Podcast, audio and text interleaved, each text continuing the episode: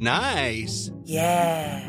What you're hearing are the sounds of people everywhere putting on Bombas socks, underwear, and t-shirts made from absurdly soft materials that feel like plush clouds. Yeah, that plush. And the best part? For every item you purchase, Bombas donates another to someone facing homelessness. Bombas. Big comfort for everyone. Go to bombas.com slash ACAST and use code ACAST for 20% off your first purchase. That's bombas.com slash ACAST. Code ACAST. Mother's Day is around the corner. Find the perfect gift for the mom in your life with a stunning piece of jewelry from Blue Nile. From timeless pearls to dazzling gemstones, Blue Nile has something she'll adore. Need it fast? Most items can ship overnight. Plus, enjoy guaranteed free shipping and returns. Don't miss our special Mother's Day deals. Save big on the season's most beautiful trends. For a limited time, get up to 50% off by going to Blue Nile.com. That's Blue Nile.com. Normally, being a little extra might be a bit much, but not when it comes to healthcare. That's why United Healthcare's Health Protector Guard fixed indemnity insurance plans, underwritten by Golden Rule Insurance Company, supplement your primary plan so you manage out of pocket costs. Learn more at uh1.com.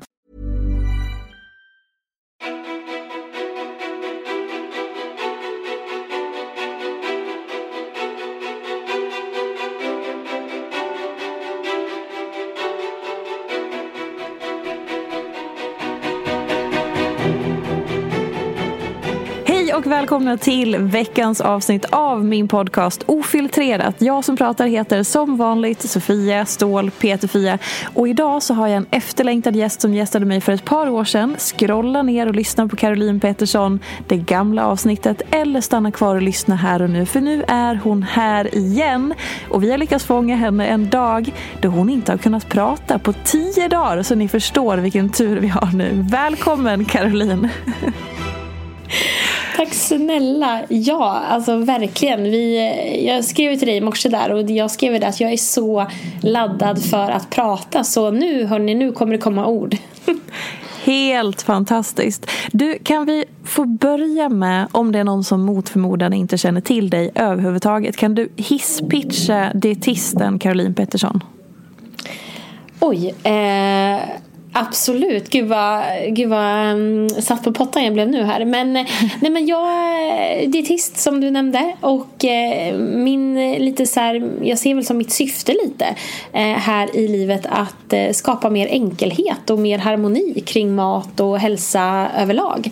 Jag jobbar ju med mina sociala medier, både Instagram och även lite TikTok men också har, driver två poddar sedan några månader tillbaka nu och ja, älskar livet i sin helhet. Mm. Älskar livet i sin helhet, vad betyder det?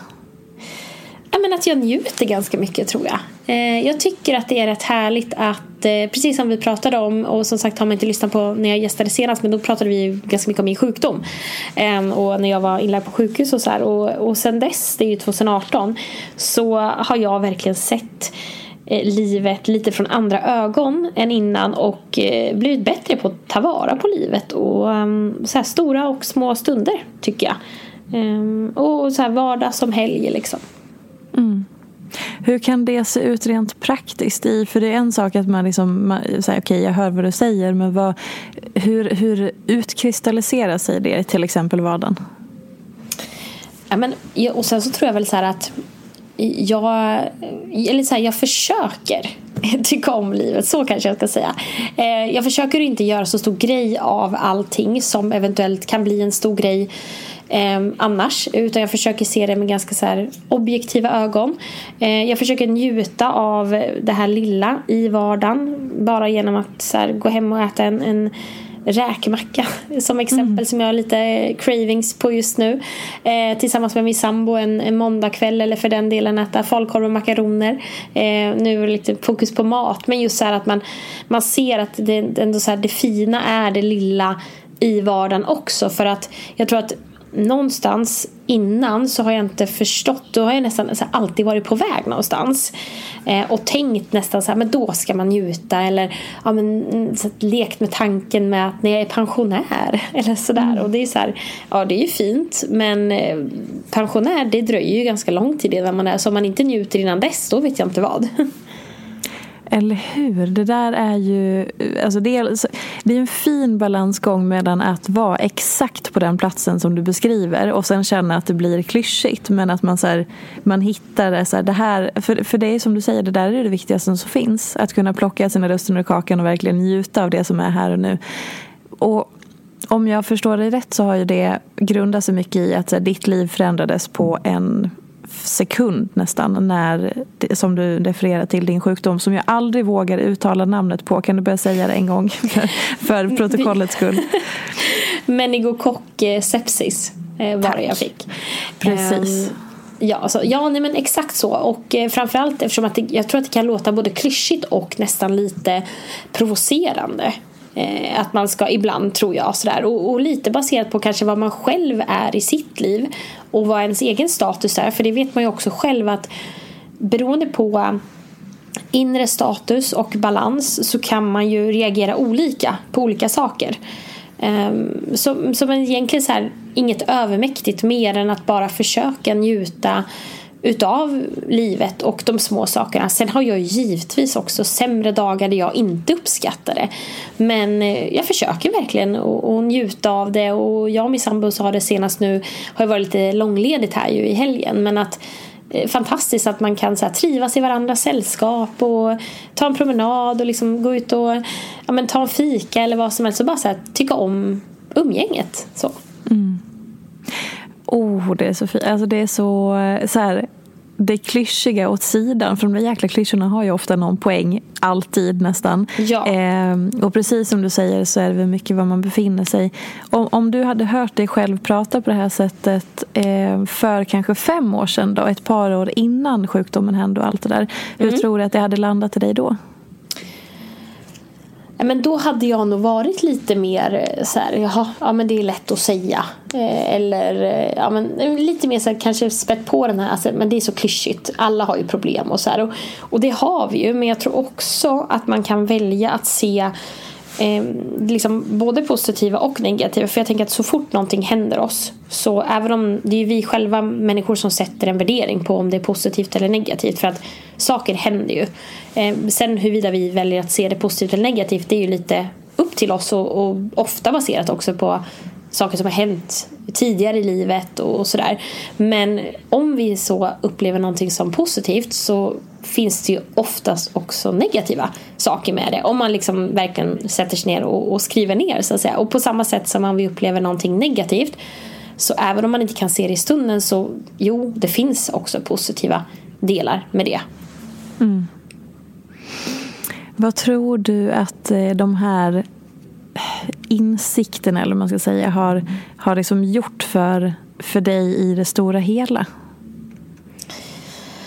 Ja, men jag tror ändå att det har lite eh, lättat på pressen om hur livet eh, kanske borde vara till att så här, livet är vad det är. Eh, sen i det så tycker jag också att man kan absolut påverka och man kan sätta sig själv i olika situationer och, eh, och så. Men att, att saker kan hända och att det är ganska skört och det är därför som man i, i det stora i liksom livet så är man ändå ganska liten när det väl kommer till kritan. Eh, så, så mycket så tror jag, utan om inte det låter för klyschigt. Jag vet inte. Men, och, eh, bara en sån här sidospår. Men vad är det som gör att vi återkommer till att klyschigt är någonting dåligt? Alltså en, en stor öppen fråga, bara filosofera mm. runt. Varför blir det så tror du? det är också väldigt svårt för som sagt jag tror att det är någonting, om jag ser bara till mig själv utan att raljera för liksom alla andra så är det nog att det alltid har varit i negativa sammanhang. Eh, mm. Klyschigt, att det beskrivs som, ja men det är ju en klyscha och det är lite klyschigt att säga så och lite sådär, så ska man egentligen inte säga men eh, så, så, så, jag tror det, men som du säger, det behöver inte betyda att det är, bara för att det är klyschigt så betyder det inte betyda att det är, är någonting som faktiskt är negativt. Inte alls. Nej, men, nej. fast sam, för så här, som jag och min projektledare Sjödén alltid säger så här, ah, vi vill inte hamna i carpe diem. Eh, carpe diem, crea diem. Alltså där vill man liksom inte vara. Men samtidigt budskapet i det är ju otroligt fint. Som i de flesta klyschor. Så det är ju liksom någon slags konflikt där. Att så här, det som, alltså innebörden av en klyscha är ofta så här, ja, det finns ju något att plocka med sig där. Men man vill ändå inte vara där på något vis. Nej, nej men lite så. Det är som att det är ett fint budskap som du säger, det finns någonting i det. Men man vill inte själv kännas vid det. Nej. Eller hur? Det där rimmade. Det var ju klyschigt bara det. det är stora frågor här som, som arbetas igenom idag. Ja, verkligen. Eh, om du skulle beskriva din, din dagsform här och nu i denna sekund och minut, vad, hur beskriver du den? Ja, men den är nog ändå lite, lite rispig skulle jag vilja säga. Eh, både när det kommer till röst men också för att jag, eh, som du nämnde, jag kommer av tio dagar av sjukdom. Eh, har varit, eh, inte sängliggande, men hemma. Haft eh, feber till att börja med, ont i halsen sjuk, eh, liksom hes och hela den biten. Så ganska nedstämd här kommer jag ifrån att ha varit. Dels för att jag tycker det är rent ut sagt väldigt tråkigt att eh, vara sjuk och att man inte heller kan umgås med folk. För folk har ju varit så här det har ju varit långledigt nu och då har ju många varit så ah, nej men vi, vi kanske kan ses när du är frisk igen. Mm. eh, så, eh, så, ja, så lite sådär halvdant på gång kanske. Eh, för att just nu så är jag verkligen också i en uppåtgående trend med att jag liksom har tränat idag för första gången. Liksom använt min puls på ett liksom höjande sätt och sådär. Så, så det är väl det. Inte helt bra skulle jag beskriva mig som idag men ändå liksom på gång. Sådär. Men jag känner av lite det här. Du vet också när man har inte heller träffat människor. Jag är på kontoret idag till exempel och det har inte mm. varit och bara det ger ju tusen intryck. Ehm, så lite sådär, ja men på gång, känner att det blir en bra vecka men kanske eventuellt lite segstartad. Hur påverkas du av att inte träffa människor på lite längre tid? Det tycker jag är så tråkigt, rent ut mm. sagt. Mm. Jag är väldigt... Ehm, det kan jag märka av bara att jag sitter hemma en hel dag för att det passar sig i annat. Man kanske ska ta emot något paket eller sådär så väljer jag att bli hemma en hel dag. Ehm, och, och då vet jag också att jag får inte den här eh, sociala bekräftelsen på något vis. Så när dagen har gått och jag kanske ska ta någon form av promenad för att jag brukar göra det för att liksom avsluta dagen så. Ehm, då kan jag nästan vara lite sökande när jag går ut för jag vill se människor. Jag vill höra konversationer och så för att jag har ett väldigt stort behov av att faktiskt eh, prata och träffa folk och, och sådär. Och för mig så kan det vara så att jag behöver egentligen inte sitta ner aktivt mitt emot dig till exempel Fia och vi sitter och, och pratar utan mer så här, du kan sitta bredvid mig och prata med någon annan men då får mm. man ändå det här lite det sociala. Är du med vad jag menar? Mm. Absolut. Så du får mer energi av människor än vad det tar att träffa människor, eller? Uh, nej, bra. Väldigt bra. För att, eh, så det, det beror lite också på. Eh, är det jag som är mittpunkten i någonting, säg att jag som jag gör väldigt mycket ute och föreläser och sådär. Ehm, då, eh, då ger jag ju väldigt mycket av mig själv och kommer ju inte hem direkt fullbordad av energi. Så det kan jag inte säga. Eh, men är det liksom att jag går till kontoret, ger lite av mig själv, får lite tillbaka, lite konversationer men också kan sitta i en miljö där det rör sig ganska mycket. Då kan jag ändå så gå därifrån och känna att min energi är inte dränerad. Mm. Så lite skilda situationer tror jag. Men annars är jag definitivt en person som tankar energi hemma, lägenhet, inte göra alls mycket och bara slöa runt sådär. Inte bland folk.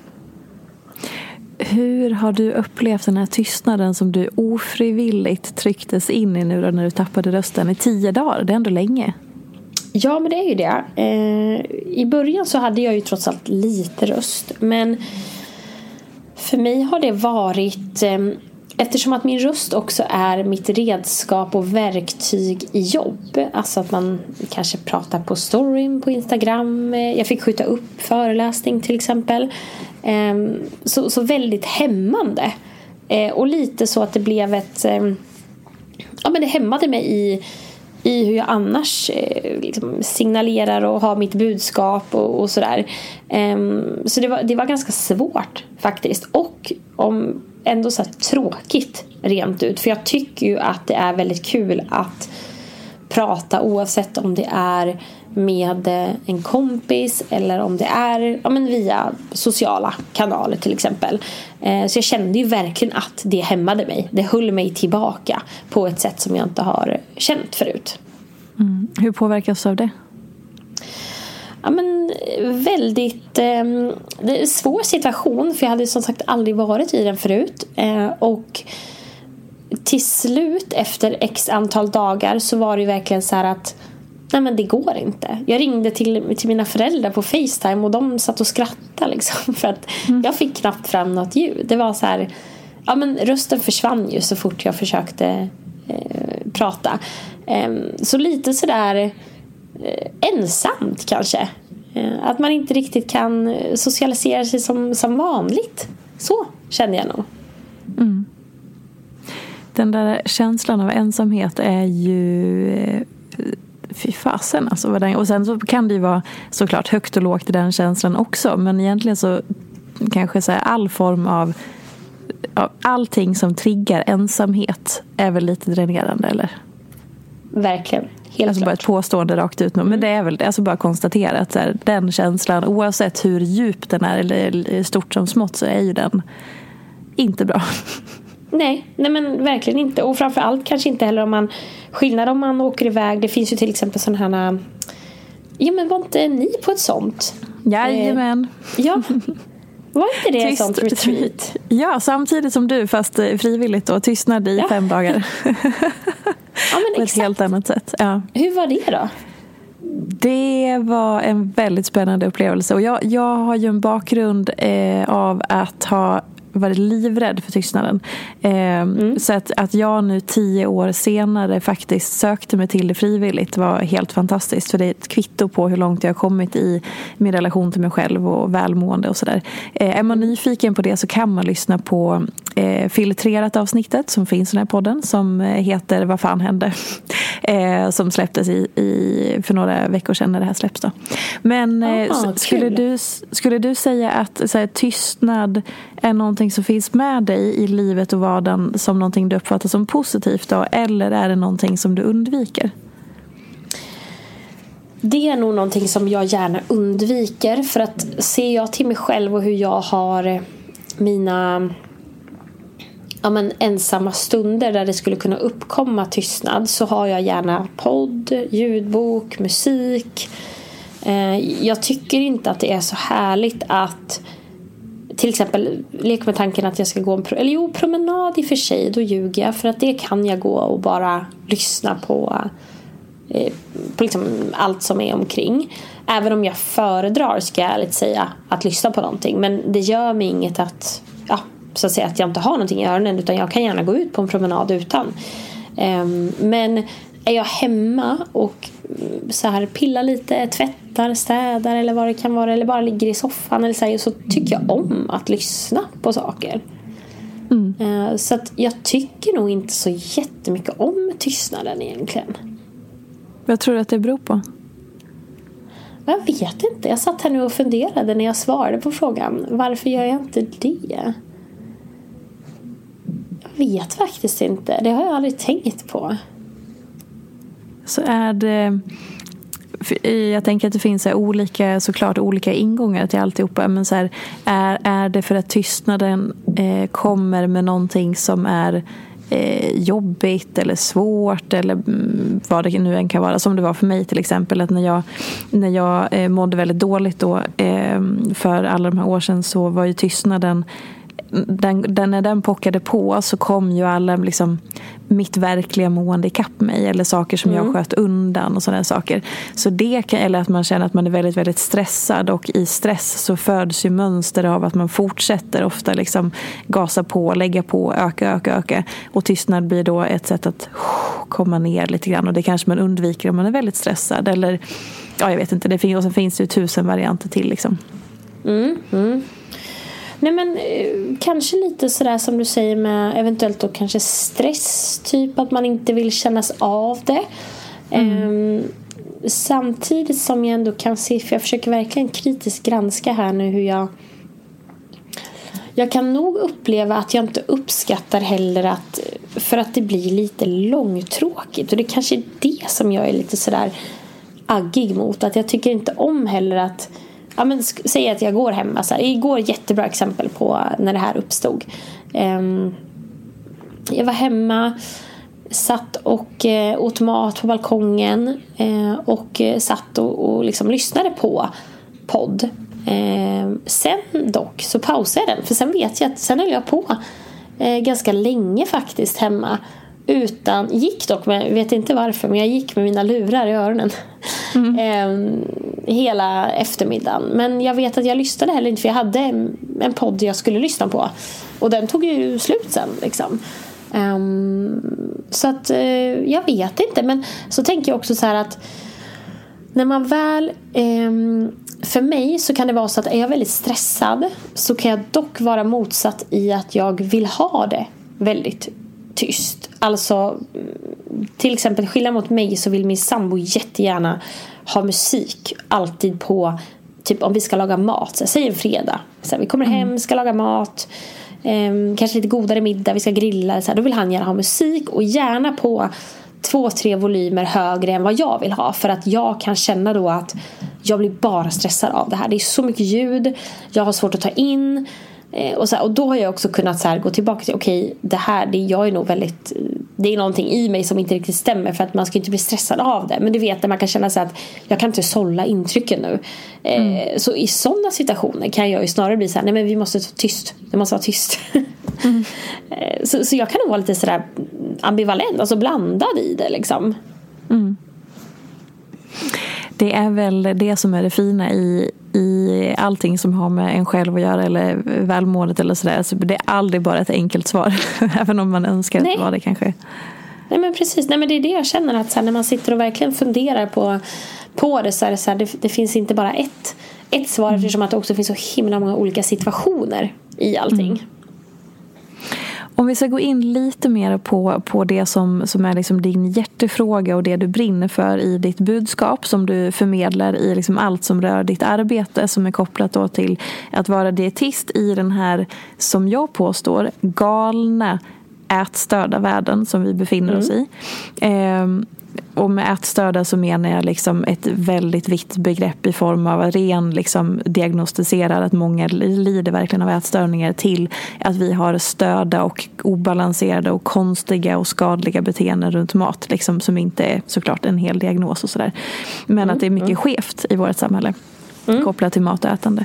Eh, om du bara där någonstans skulle börja med att säga, vad är det du framför allt brinner för och eh, förmedlar?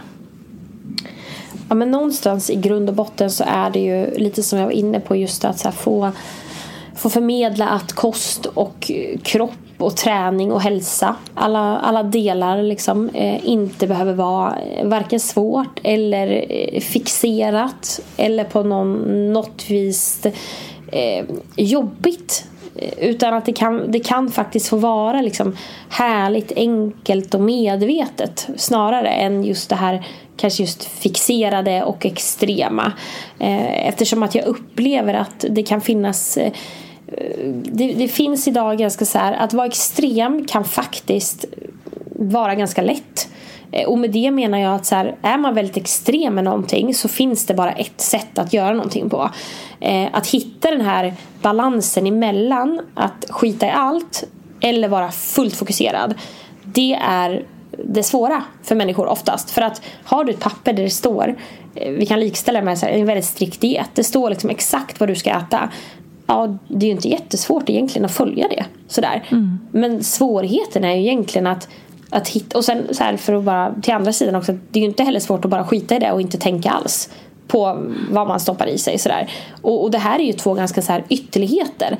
Och jag vill ju någonstans här fånga upp människor i, i den här fina i mitten av det här på något vis. Att ja, men man, kan, man kan vara medveten om vad man äter och, och absolut. Men det får inte gå till att det blir en fixering. Eh, på samma sätt som jag inte tycker att, att, att mat ska ju, liksom, det ska ge energi. Det ska inte ta energi i form av att man hela tiden dividerar varje val som man gör. Eh, I liksom minuter av, ja, så här, innan lunchen. Att man nästan från start på när man vaknar tänker att okej okay, det här ska jag äta då. Sen ska jag äta det här. Och sen efter det, okej okay, men då kan jag äta då. Och sen kan jag göra det här. Och sen ska jag träna. Och så, du vet så här, att man mm. minut för minut planerar utifrån mat. Vilket gör att man egentligen så tror att man har kontroll över maten. För det har någonstans börjat med att man kanske vill ta kontroll över någonting. Men att man sakta men säkert liksom har, har lämnat liksom all... Så man är väldigt, väldigt styrd och kontrollerad av maten i sig snarare. Eh, någonstans så sker det här liksom skiftet av att man tror att man har kontroll men egentligen så är man otroligt kontrollerad av maten. Mm. Spot on. Och just det där alltså på ett sätt är det inte sorgligt att kontroll ens förekommer i sammanhanget mat och ätande. Alltså att, att det ens ska behöva finnas där är väl jättesorgligt. Verkligen, och med tanke på att det är så himla basalt för alla oss.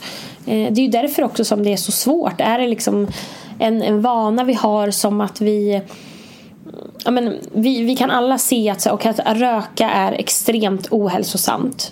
Det är vi alla överens om tror jag. Eh, så. Mm. Vilket gör att så här, sluta röka så kan du förbättra din hälsa. Men som du var inne på det här med att man har ett skadligt beteende och att man är väldigt fixerad och liksom det här med mycket kontroll kring mat. Det kan också vara jätteskadligt för ens hälsa. Men man kan ju inte heller bara säga så här, men sluta ät. Nej. Så Nej. det är ju det, att det kluriga är ju verkligen och, och, det som oftast är den här utmaningen det är att lära sig hantera liksom de känslorna och tankarna som man kanske har haft, har eh, men också någonstans att landa i det här ja, men lite lagom så att säga eh, mellantinget liksom. Mm. Både du och jag trycker ju ofta i, i våra respektive jobb eh, i det gemensamma att äta mer mat och att äta alltså lagad mat. Äta lunch ordentligt och äta middag ordentligt och att äta sig mätt. Vad, mm. vad är det första eller kanske vanligaste motståndet eller ifrågasättande som du möter när du, när du pratar om det på det sättet? Ja, men, eh, spontant så är det ju verkligen så äter jag mer så går jag upp i vikt. Det mm. är ju 100% det som är det, det folk liksom har en rädsla av skulle jag vilja säga. Um, och, och jag kan förstå eh, vad personen menar men personen har inte heller då förstått vad jag menar eh, mm. på något vis. För att som du sa Fia, både du och jag trycker ju mycket på det och framför allt just för att någonstans så känns det som att det är ju lite det som vi faktiskt har tappat längs vägen när det har varit olika former av dieter och det är hälsotips och det är eh, ja, men, och det går liksom i, lite i vågor ju med vad som är trendigt och inte och sådär. någonstans på vägen så tappar man oftast bort sig i att man ska ta bort en massa. Eh, och till slut då så hamnar man ju i att så men, den här maten eh, och som du säger, så äta sig mätt på liksom frukost, lunch, middag. Se till att man verkligen fyller upp med liksom näringsrik och god mat. Eh, det har vi någonstans tappat i att vi ska ersätta det med ja, men, någon shake eller eh, att, så ta bort en massa av, av eh, liksom makronutrienterna för att bara sitta och äta liksom salladsblad och så förstår man inte varför man har sånt sötsug och slänger sig över kylskåpet när man kommer hem och sådär. Eh, medan det som bara i grund och botten så här, äta sig mätt och verkligen ge kroppen det också form av lugnet så det inte alltid är det här att man lever på gränsen och hela tiden äter lite för lite. Mm. Men, och där också bör man ju någonstans dels påminna men också nyansera begreppet äta sig mätt. För jag tror och upplever att många eh, har gått vilse i att så här, äta sig mätt, då tänker man på matkoma eller proppmätt eller att man äter sig så mätt så att det inte finns något slut och man mår dåligt. Och så här, återigen, det är ju absolut inte det det handlar om, eller hur? Nej, Nej men exakt. Och det finns ju så här hungerskala. Det brukar finnas om man googlar. Liksom det, det, brukar vara så här grönt till rött så att säga färgen. Så går det från gult och sådär. Och någonstans så där att inte falla ner i ja, men varken propp proppmätt. För att den känslan brukar ju inte vara så härlig. Eh, det, är oftast också att man får ont i magen. Man kan få så här, det vet jag jag har fått någon gång för så länge sedan, liksom svettningar. Verkligen av att jag verkligen har ätit så här jättemycket någon högtid eller något, något liknande. Eh, ah, och heller inte då falla ner i att man blir vrålhungrig. För att är man nere där och tickar så kommer det lätt slå över i, det är liksom som en ja, jag brukar likna det vid en pendel egentligen. Alltså ju mer du spänner pendeln åt ett håll desto mer slår den ju över åt det andra hållet. Um, så istället så lära sig också lyssna inåt. Det tror jag väldigt många behöver göra. Och så här, när är jag mätt? Mm. Liksom, lyssnar jag på kroppen eller äter jag Säg att jag lägger upp en tallrik då rejält med mat för att vi har suttit och sagt det nu här i, i podden. Eh, och, och, så äter man och så känner man att jag vill ha mer. För att, eller för den delen så här, nej men jag, jag är kanske inte så hungrig. Så alltså att lära sig att okej, okay, när är jag mätt? Tuggar jag min mat? Jag har jättemånga klienter som jag brukar säga det första steget är att tugga maten och bara det kan hjälpa vissa gånger att så här, jaha, men jag blev faktiskt mycket mättare av det. Ja, kanske för att du tuggar maten ger kroppen en chans också att uppleva mättnad. Mm. Gud, ja. Alltså det är ju återigen som man, har, som, som man garanterat hör och plockar upp då och då. Men det här är, det är snarare mer hur vi äter och vår liksom ram eller konstellation runt måltiderna som kanske är eh, större eh, svårighet än det vi faktiskt stoppar i munnen. Såklart inte helt sant. Eh, det finns ju massa annat också. Men, klart, men just ja. som du säger, att, här, att tugga maten, att sitta ner, att ge det lite tid, att vara närvarande och allt det där. Det är så ofantligt viktigt. Mm, ja men verkligen. Och sen också ge måltiden lite kärlek i form av tid, engagemang, närvaro, inte sitta med mobilen, eh, inte sitta vid kanske tvn och speciellt inte skulle jag säga när man, om man går ifrån att här, alltid sitta vid tvn, slänga i sig kanske, ja men uppleva det här att man, man blir proppmätt och, och uppleva att man kanske inte lyssnar så mycket inåt. Jag kan sitta vid tvn ehm, och äta mat men jag kan fortfarande uppleva att jag är ganska närvarande i och det är nog också för att jag har tränat på det under mm. liksom ganska många år. Ehm, för jag har absolut inte alltid lyssnat inåt utan jag har varit väldigt mycket sådär svartvit i mitt tänk och allt eller inget och, och, och så. Och då är det ofta så att det kan också bli att det blir det här Det vet ju du också Fia men så att man också bestämmer att jag får inte äta det här på den dagen Att dagen i sig, alltså beroende på om det står måndag, tisdag, lördag eller söndag i kalendern så får jag eller inte får äta någonting mm. Vilket också kan skapa det här behovet av att faktiskt äta bara för att, bara för att. Mm. Och då har man också krossat den här linjen lite sådär vad är det jag är sugen på? Vad är det jag vill ha egentligen? Hur var det för dig när du var så svartvit i ditt tänk? Mm. Ja, men då var det väldigt mycket, mm, skulle jag säga, upp och ner och eh, eh mycket regler och riktlinjer. Så här, lite hittepå. Nu ser jag tillbaka när jag var kanske så 18, 19, någon, någonting sådär. Eh, ja, men så här mycket egna sanningar om också livsmedel. Eh, som inte alls stämde men som jag trodde stenhårt stämde. Eh, för att jag hade målat upp den bilden. Och, framförallt där som jag sa att nej men gud jag kan, kan absolut inte fika. Det är ju tisdag idag säger vi. Då kan jag mm. absolut mm. inte fika. För det ska ju, fika gör man ju på lördag. Eller jag ska äta det här på lördag. Så att mycket det här vet, planerandet fram och tillbaka. Och det här med att nej men, och sen om lördagen kom. Men tänk om jag inte är sugen på fika då då egentligen. Ska jag bara äta fika då för att? För det är någonting som jag kan känna idag sen när man När jag som också och du som pratar mycket om det här med lyssna inåt och sådär att Det har ju också med att göra ja, men, Om jag har en bulle och ett äpple Om jag är sugen på äpplet då är det också helt okej okay. Att det Exakt. inte måste vara bullen Alltså det där är ju också en jättediskussion Men du förstår vad jag menar mm. Ja men och det är egentligen så här, grunden som, som jag tror är att många missar att så här, man tror att kroppen skulle lura en till olika saker men man, man, man, är, man fattar inte att det är våran skalle, hjärnan, som lurar oss. Som du sa, eh, går man hela tiden på gränsen och stressar kroppen genom att äta för lite, då är det klart att hjärnan söker snabb energi hela tiden. Men är vi nere och förankrade i kroppshyddan, kroppens signaler. Våran kropp vill ju bara oss väl, den ljuger ju inte. En kropp Nej. kommer ju signalera när den har fått för mycket, fått för lite är den trött, den vill vara stark, den vill bli använd, den vill bli tankad och så vidare. Men det är ju hjärnan som, eh, som liksom laddar allting något så kopiöst. Som till exempel att man lägger olika värderingar eller förbud eller som du säger planerar och sådär. Så att det är ju snarare skallen vi behöver navigera i och börja komma ner i kroppen, i det basala. För att där kroppen vill en inte illa överhuvudtaget. Men det är skallen som håller på att göra att vi går vilse, upplever jag i, i mycket.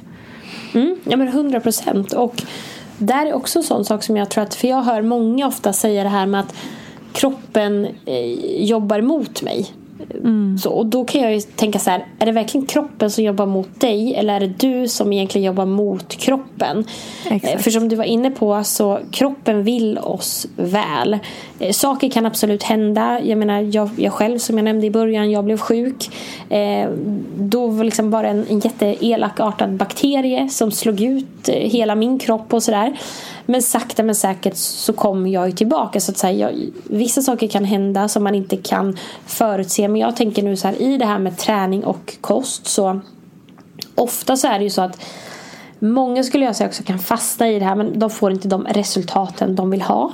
Eh, vilket ofta leder till att man granskar och så tänker man okej okay, men jag tränar lite mer och äter kanske lite mindre. Eh, på det sättet och så blir kroppen egentligen bara ännu mer stressad. Eh, och, och, stress kan ju visa sig på olika sätt på en kropp men eh, just nu om man tänker så visuella resultat för det är väldigt, väldigt många som trots allt idag liksom vill ha visuella resultat och startar någon form av vikt eh, viktförändringsresa för att få visuella resultat och kanske då i sin tur liksom må bättre eller vad det kan vara. Eh, av alla som kommer till mig så är det liksom eh, ett syfte. Men att man då också ser att så här, nej, stanna upp och tänka men det är inte det. Det kanske inte är att jag behöver pressa kroppen ännu mer genom att träna ännu mer och göra glappet ner till hur mycket jag äter ännu större utan det här kanske måste möta varandra. För att då kanske kroppen kommer börja jobba med dig och du kommer att få de här eh, resultaten. Men, eh, för, det kan jag se i alla fall hos väldigt många. Att man istället, du vet, nästan som en så här häst som man vill så här, dra till ordentligt och bara nu får du stanna. Gå mm. inte vidare utan bara stanna upp och verkligen se vart är du på väg. Är det här ett vinnande koncept? För att jag tror att många, om man vågade, precis som du var inne på, känna efter 100% inåt så tror jag att många skulle vända på klacken och faktiskt ta en annan väg idag.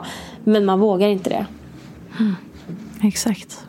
För att återigen så tror man, för det är också en grej som många säger så här, men om jag inte skulle ha några förbud eller om jag inte skulle hålla mig själv hårt och strikt då skulle jag trycka i mig choklad och chips hela dagarna och bara äta skräpmat. Och så här, mm. nej, jag kan nästan, jag vågar nästan påstå att nej, det skulle du inte. Du kanske skulle det, säga att du har bestämt dig för att allt det där, det är förbud, det är dåligt för dig, det är någonting som är onyttigt, du ska hålla dig undan. Då kanske det tar en liten så här, vi kallar det för en liten, en liten återvänningsperiod där du släpper de värderingarna och du känner att de lockar för att nu har du släppt dig själv lös. Ungefär som att man behöver rensa systemet och sina egna tankar. Så säg att så här, ja, men du släpper dig själv lös och så äter du allt det där en vecka. Men om mm. du återigen går till kroppen så kommer kroppen till slut säga Nej men vet du vad, det här ger mig ingen näring, ingen energi, ingen bra mättnadskänsla, jag orkar ingenting. Så ge mig mat som ger energi och näring. Och så kommer du börja hamna på rätt spår. Så återigen, det är vad, du, vad man laddar begreppen eller livs, alltså vad, man, vad vi lägger i det snarare än någonting annat. Skulle mm. jag säga. Ja. Nej men verkligen och så, som du säger där att det är också en sån här sak att som, precis som du var inne på att då kommer jag bara äta det här och Alltså jag älskar Polly, det är liksom så. Eh, men jag hade inte uppskattat att bara äta Polly varje dag. Nej. Likväl som jag inte hade uppskattat att bara äta broccoli varje dag. Som jag också uppskattar att äta. Men jag tror inte på att man bara nitiskt hade valt Marabou Alltså så här, du får äta hur mycket Marabou du vill. Okej, okay, gör det då. Prova och se hur länge du tycker att det är gott. Och då tänker jag verkligen så här. ja, men, flera kakor varje dag. Alltså flera mm. Marabou-kakor. Jag tror inte att man bara vill ha det. Det är ju som att se alltså, anledningen till varför det finns ett så stort utbud på både så här, ja men tänker lösgodis. Oftast så här, om vi ska utmana oss och äta så mycket som möjligt då behöver vi oftast något sött, något salt, något surt, något liksom lite neutralt och så går man tillbaka. Eh, sådär. Men ska du bara äta choklad då kommer du liksom till slut så tröttnar man ju. Även om man är liksom chokladälskare nummer ett. Jag tror ju att man kommer att tröttna. Mm. Ja men garanterat. För det också Även om man kanske fortfarande skulle tycka att smaken var fantastisk fortfarande Så kommer det ju bli effekter av att man får inte den näring och energi man behöver. Så då, oavsett så skulle man behöva stoppa till annan mat eller andra grejer. Så att det, som, det egentligen budskapet som vi båda har i det här är väl att så här, försöka släppa förbuden, värderingarna och det negativa som man laddar allting med. För det kommer inte hända att man bara skulle börja leva på allt som man då säger till sig själv är så dåligt och man borde hålla sig undan. För det, det, det går liksom inte fysiskt någonstans, eller mentalt för den delen. Nej, nej men precis. Och sen just det här att, att våga släppa på det också för att det ger ju att det, det är ju det klassiska som vi säger så här, men tänk inte på en gul bil. Mm. Ja, då, då tänker vi på en gul bil. Så. Mm. Och lite så är det med det här allt vi ska ta bort, sluta med, vi, vi får inte, vi ska inte äta det där det blir ju någonstans liksom lite mer spännande för kroppen. Vi söker det mycket mer istället för att så här, okej, okay, öppna upp. Jag kan äta allt. Vad är det jag vill äta idag? Ja, men jag vill äta det här. Ja, då gör jag det. Istället för som du säger, där, bra och dåligt, liksom nyttigt, onyttigt. Alltså så här, alla de begreppen när vi själva från hjärnan sätter en etikett på det. Eh, så, så det är då vi skapar det, alltså svårigheterna för oss själva. Eh, och i grund och botten så tror jag också baserat på liksom det vi har sagt också att vi vet ju oftast vart det finns mycket näring och det är självklart att vi behöver äta liksom näringsrikt och sådär. Eh, men det behöver heller inte bli liksom jordens grej av att oj nu har jag inte ätit liksom så mycket näring här någon dag eller två eller sådär utan ja men mm, en, liksom ett år har ju 52 veckor. Det finns många dagar och veckor att liksom få i sig allt man behöver. så att säga. Mm, verkligen. Om du skulle ge ett kort råd till den som lyssnar på den här podden som har med det här att göra. Vad skulle det vara? Oj. Ja, men kanske lite det här så här skip släppa allt som har med liksom fritt från att göra och istället tänk så här fullt av. Mm. Alltså, och med det sagt så vill jag också så här, nu blir det inget kort råd Fia, men, det går bra. Eh, men eh, då, då, vet jag att man kan få säga, ja men, ja men jag är laktosintolerant, ja men det är självklart du ska äta laktosfritt sådär. Men när vi snör in för mycket på det här som jag var inne på, förbud, allt ska vara fritt från allting och sådär. Vi försvårar för oss själva.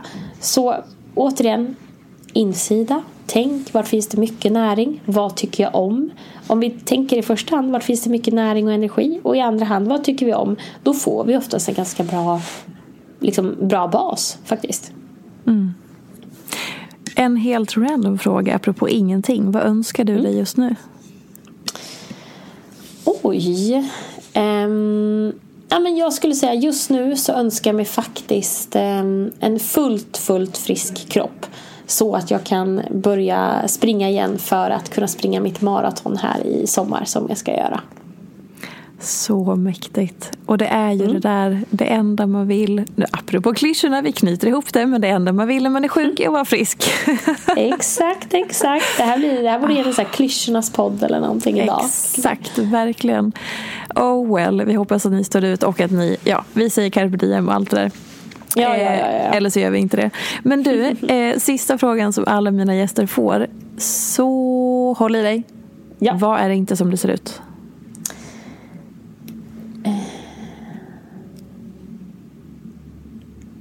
Ja, men människor. Mm. Skulle jag säga. För att jag tror att vi alla har ett skal men det ser inte, det är inte alltid så som det ser ut faktiskt. Är det någonsin som det ser ut då? Det tror jag inte. Nej. Och det var klart där. Ja. Du, tusen tack för att du eh, ville gästa Ofiltrerat igen och välkommen tillbaka om ett år eller två då vi bara fortsätter där vi slutade. Och var kan man liksom hitta mer av dig förutom då Caroline Pettersson på Instagram med K ska tilläggas. Med K, precis och två E. Mm. Eh, nej men jag har som sagt två poddar. En som heter Lev lite som jag driver med eh, Patricia Strenius och så har jag en annan podd som heter Helt enkelt som jag driver med Åsa Nyvall. Eh, så det är det.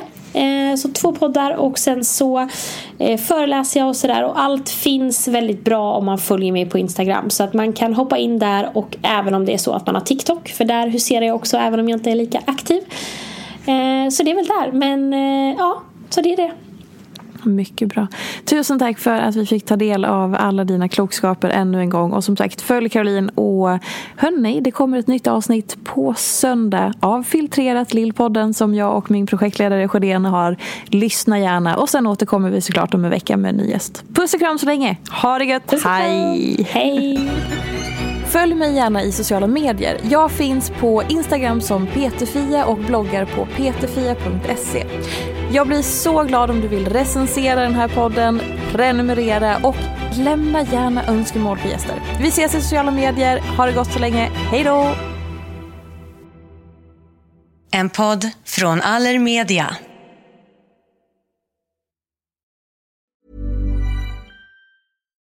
Here's a cool fact. A crocodile can't stick out its tongue. Another cool fact. You can get short-term health insurance for a month or just under a year in some states. United Healthcare short term insurance plans are designed for people who are between jobs, coming off their parents' plan, or turning a side hustle into a full time gig. Underwritten by Golden Rule Insurance Company, they offer flexible, budget friendly coverage with access to a nationwide network of doctors and hospitals. Get more cool facts about United Healthcare short term plans at uh1.com.